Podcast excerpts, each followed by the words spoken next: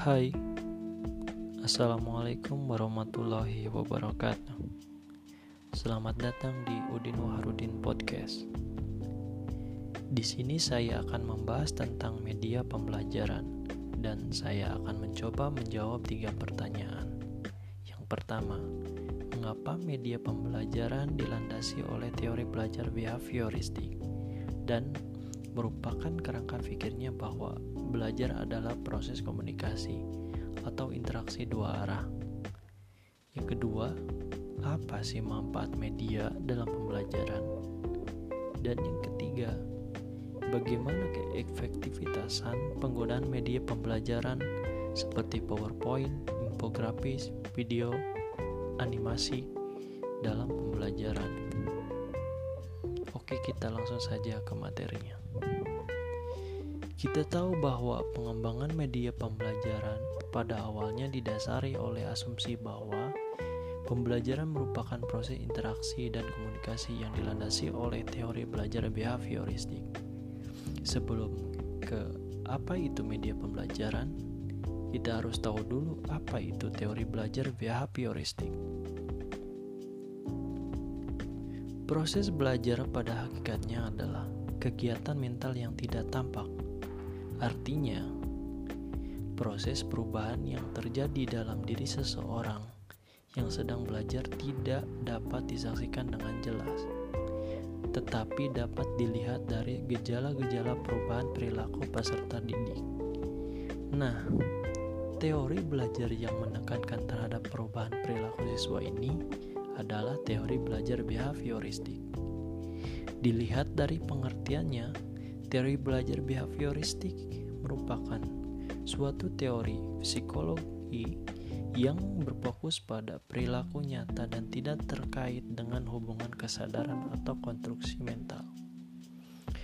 Ciri utama teori belajar behavioristik adalah guru bersikap otoriter dan sebagai agen induktrina, indoktrinasi dan propaganda dan sebagai pengendali masukan perilaku Hal ini karena teori belajar behavioristik menganggap manusia itu bersifat pasif dan segala sesuatunya tergantung pada stimulus yang didapatkan. Sasaran yang dituju dari pembelajaran ini adalah agar terjadi perubahan perilaku siswa ke arah yang lebih baik. Selain dalam pemberian poin terhadap pelanggaran aturan sekolah, Teori belajar behavioristik juga diterapkan dalam pembelajaran. Teori belajar behavioristik melihat belajar merupakan perubahan tingkah laku seseorang telah dianggap belajar apabila mampu menunjukkan perubahan tingkah laku. Pandangan behavioristik mengakui pentingnya masukan atau input yang berupa stimulus dan keluaran atau output yang berupa respon. Teori belajar behavioristik menekankan kajiannya pada pembentukan tingkah laku yang berdasarkan hubungan antara stimulus dengan respon yang biasa diamati dan tidak menghubungkan dengan kesadaran maupun konstruksi mental. Teori belajar behavioristik berlawanan dengan teori kognitif yang mengungkapkan bahwa Proses belajar merupakan proses mental yang tidak diamati secara kasat mata. Teori belajar behavioristik sangat menekankan pada hasil belajar yaitu adanya perubahan perilaku yang dapat diamati, diukur, dan dinilai secara konkret. Hasil belajar diperoleh dari proses penguatan atas respon yang muncul terhadap lingkungan belajar, baik yang internal maupun eksternal. Belajar berarti penguatan ikatan, asosiasi, sifat, dan kecenderungan untuk merubah perilaku. Teori belajar behavioristik dalam pembelajaran merupakan upaya membentuk tingkah laku yang diinginkan. Pembelajaran behavioristik sering disebut juga dengan pembelajaran stimulus respon. Tingkah laku siswa merupakan reaksi-reaksi terhadap lingkungan dan segenap tingkah laku merupakan belajar. Pembelajaran behavioristik meningkatkan mutu pembelajaran jika dikenal kembali penerapannya dalam pembelajaran. Berdasarkan komponennya, teori ini relevan digunakan dalam pembelajaran sekarang saat ini. Lalu, mengapa media pembelajaran dilandasi oleh teori belajar behavioristik dan merupakan kerangka pikirnya bahwa belajar adalah proses komunikasi atau interaksi dua arah? Kegiatan belajar mengajar di kelas merupakan suatu dunia komunikasi tersendiri, di mana guru dan siswa bertukar pikiran untuk mengembangkan ide dan pengertian. Perkembangan ilmu pengetahuan dan teknologi semakin mendorong upaya-upaya pembaharuan dalam pemanfaatan hasil-hasil teknologi dalam proses pembelajaran. Media di sini adalah berbagai jenis komponen dalam lingkungan siswa dapat merangsangnya untuk belajar. Menurut Brick tahun 1970 berpendapat bahwa media adalah segala alat fisik yang dapat menyajikan pesan serta merangsang siswa untuk belajar seperti buku, film, kaset, film bingkai adalah contoh-contohnya. Nah, maka dapat disimpulkan bahwa proses pembelajaran merupakan proses komunikasi. Nah, dalam pembelajaran pada hakikatnya adalah suatu proses komunikasi, karena dalam suatu pembelajaran akan terjadi proses penyampaian informasi dari seorang guru sebagai komunikator kepada siswa sebagai komunikan.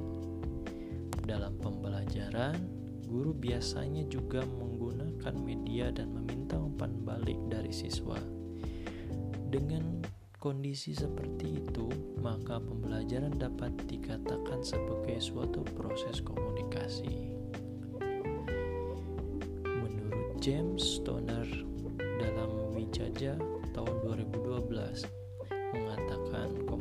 komunikasi adalah proses di mana seseorang berusaha memberikan pengertian dengan cara pemindahan pesan. Cara pemindahan pesannya yang dimaksud di sini seperti apa sih? Dari sinilah kita membutuhkan media. Media ini akan mempermudah agar dalam penyampaian pesan kepada siswa berupa materi pembelajaran materi pembelajaran yang disampaikan dengan menggunakan media pembelajaran itu lebih efektif daripada pembelajaran tanpa menggunakan media pembelajaran. Dengan media pembelajaran yang ada di sekolah, diharapkan peserta didik lebih tertarik untuk mempelajari pokok bahasan yang disampaikan, sehingga dapat meningkatkan hasil belajar peserta didik serta pengalaman belajar peserta didik diharapkan bisa bertambah.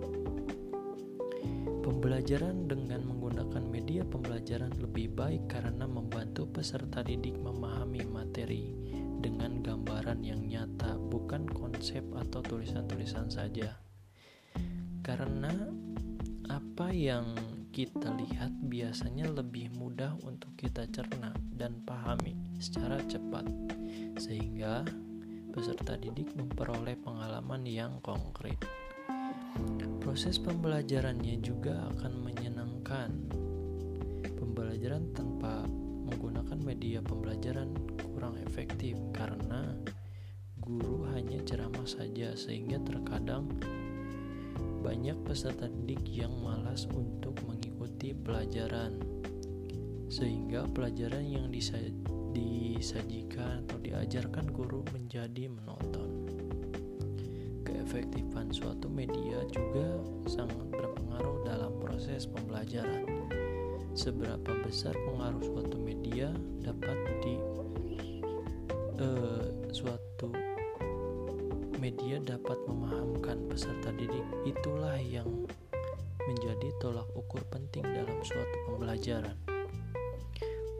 Mengapa media pembelajaran harus dilandasi oleh teori belajar behavioristik? Karena di dalam behavioristik itu seorang guru memberikan pesan kepada peserta didik bukan harus menekankan pada kognitifnya saja, akan tetapi diharapkan terhadap tingkah laku siswanya juga harus berubah ke arah lebih baik dan harus mendidik di setiap pesan yang disampaikan oleh guru melalui media pembelajaran. Dari situlah dalam proses penyampaian akan terjadi adanya proses komunikasi dan proses interaksi dua arah, yaitu guru dengan muridnya. Kemudian untuk pertanyaan kedua, apa sih manfaat media dalam pembelajaran? Menurut Hamalik tahun 1986 mengemukakan bahwa Pemakaian media pengajaran dalam proses belajar mengajar dapat membangkitkan keinginan dan minat yang baru, membangkitkan motivasi dan rangsangan kegiatan belajar, dan bahkan membawa pengaruh-pengaruh psikologis terhadap siswa.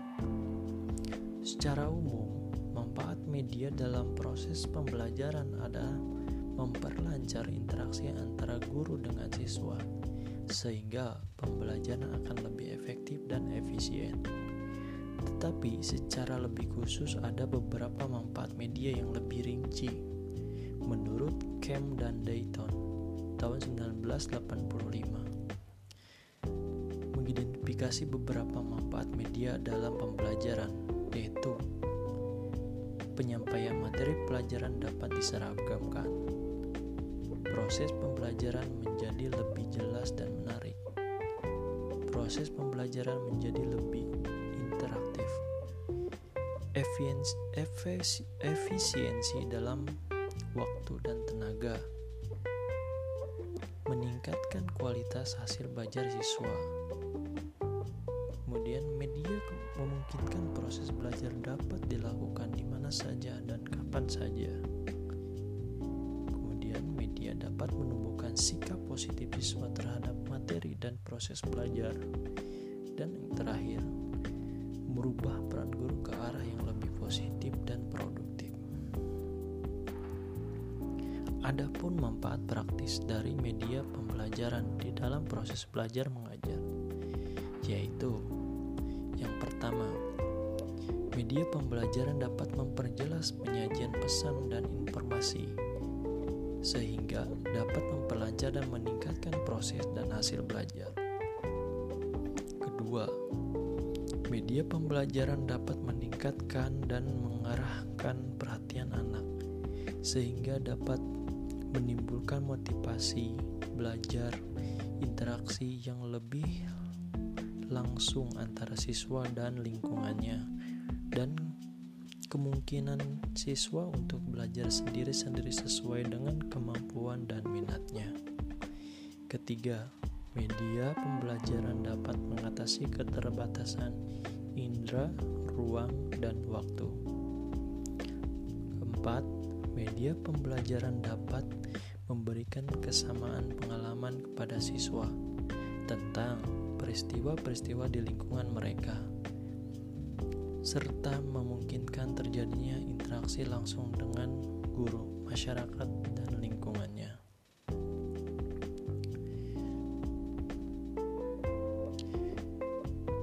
Ke pertanyaan selanjutnya yaitu bagaimana keefektivitasan penggunaan media pembelajaran seperti PowerPoint, infografis, video, dan animasi dalam pembelajaran geografi.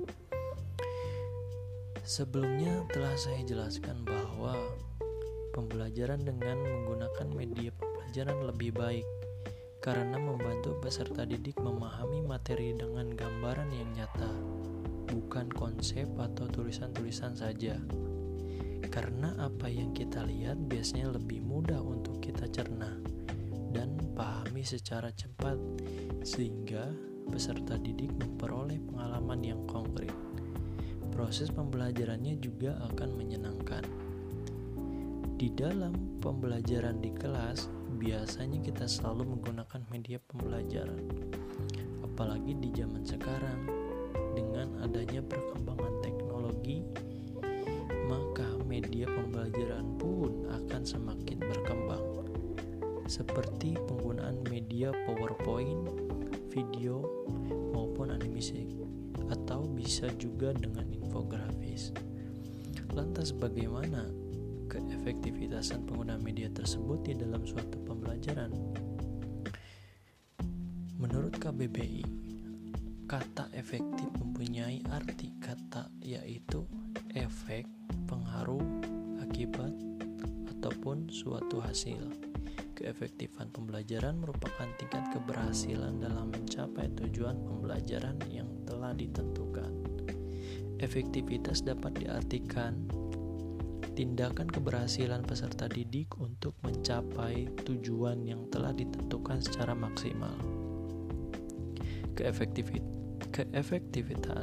keefektifan proses pembelajaran berkenaan dengan jalan upaya teknik dan strategi yang digunakan dalam mencapai tujuan secara optimal, tepat dan cepat. Pembelajaran dapat dikatakan efektif jika memenuhi beberapa aspek yaitu yang pertama, kemampuan guru dalam mempersiapkan dan mengelola pembelajaran yang baik. Kedua, ak aktivitas peserta didik dalam mengikuti proses pembelajaran. Ketiga, respon peserta didik kepada kegiatan pelajaran positif. Dan yang terakhir, keempat, hasil belajar siswa tuntas secara klasikal dan syarat memenuhi kriteria ketuntasan minimal atau yang biasa kita sebut dengan KKM. Setelah saya menelusuri dari beberapa jurnal penelitian, para peneliti banyak menyimpulkan bahwa dengan menggunakan media salah satunya adalah PowerPoint ini, dia mengatakan bahwa respon peserta didik kepada kegiatan pembelajaran sangatlah positif dengan menggunakan media tersebut.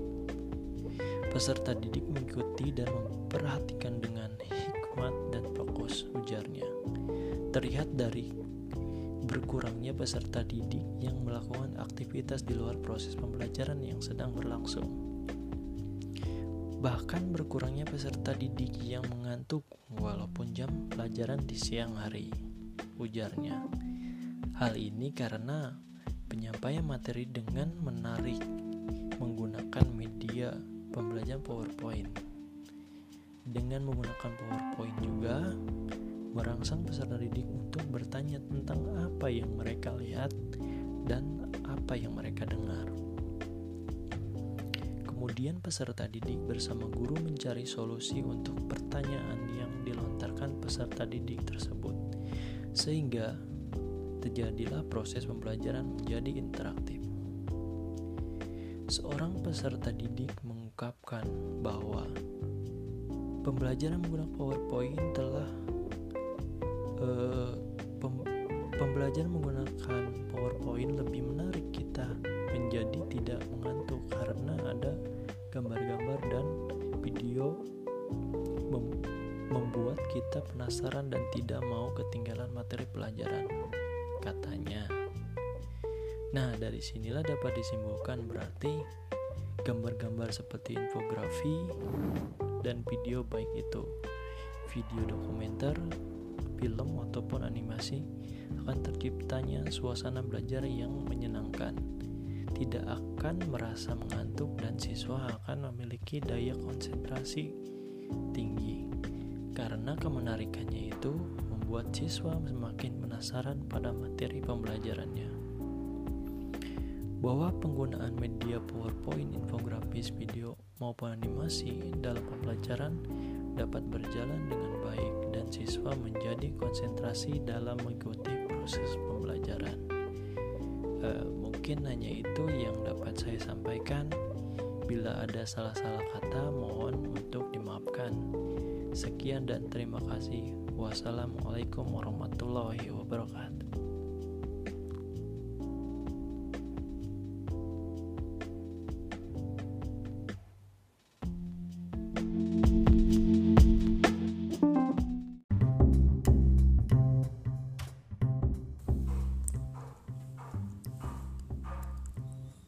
Halo semuanya Selamat datang di segmen Yuk belajar geografi bersama saya Udin Wahrudin. Pada segmen kali ini saya akan memberikan beberapa uh, materi mengenai morfologi laut. Setelah teman-teman mendengarkan podcast ini, diharapkan mampu memahami bagaimana pengertian dari morfologi laut dan serta bagaimana karakteristik dan klasifikasinya. Baik, langsung saja ke materinya. Kita ketahui bahwasanya panorama permukaan dasar laut atau morfologi merupakan gambaran dasar laut sebagaimana yang ada di daratan, seperti kenampakan dari pegunungan, gunung api, lereng, dataran, lembah, dan parit.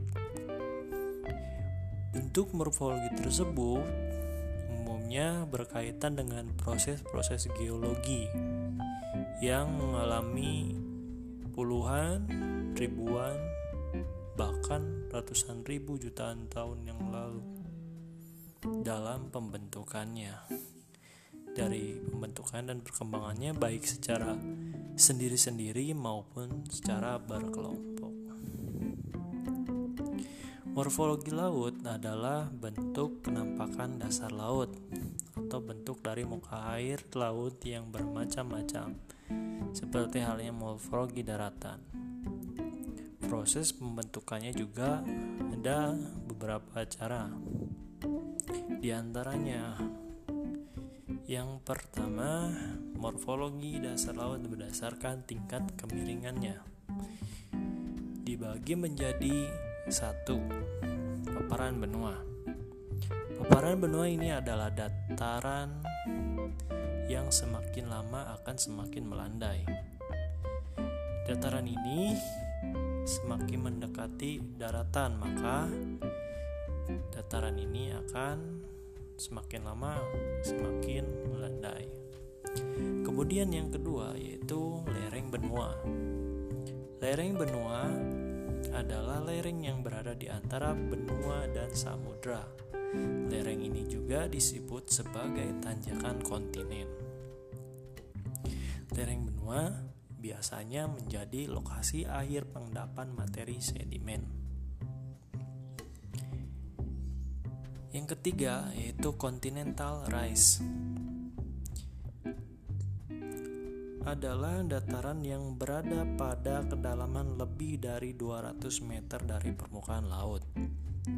Lereng benua memiliki lereng benua atau continental rise memiliki kemiringan 4% hingga 6% luas permukaan bumi terisi oleh laut dalam sebanyak 13%. Dan yang terakhir yaitu yang paling dalam adalah lantai samudra atau biasa disebut juga dengan abyssal plain. Abyssal plain ini merupakan sebuah zona laut dalam yang berada pada kedalaman 3000 hingga 6000 meter jauhnya dan berbentuk sebuah cekungan dengan lapisan sedimen halus di dasarnya. Baik selanjutnya yaitu morfologi laut berdasarkan kedalamannya.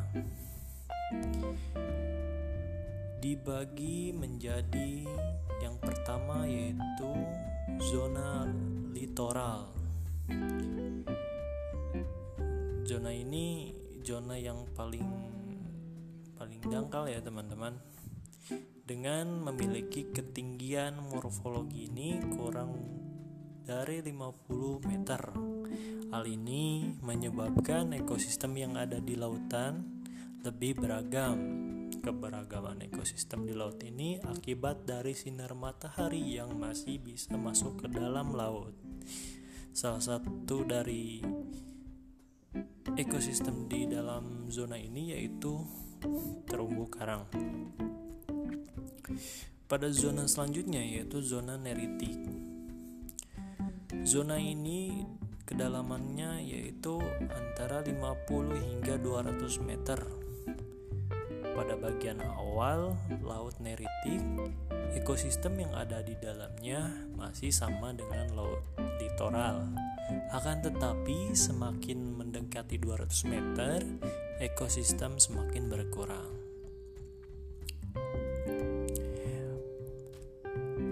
Pada zona selanjutnya yaitu zona bat batial.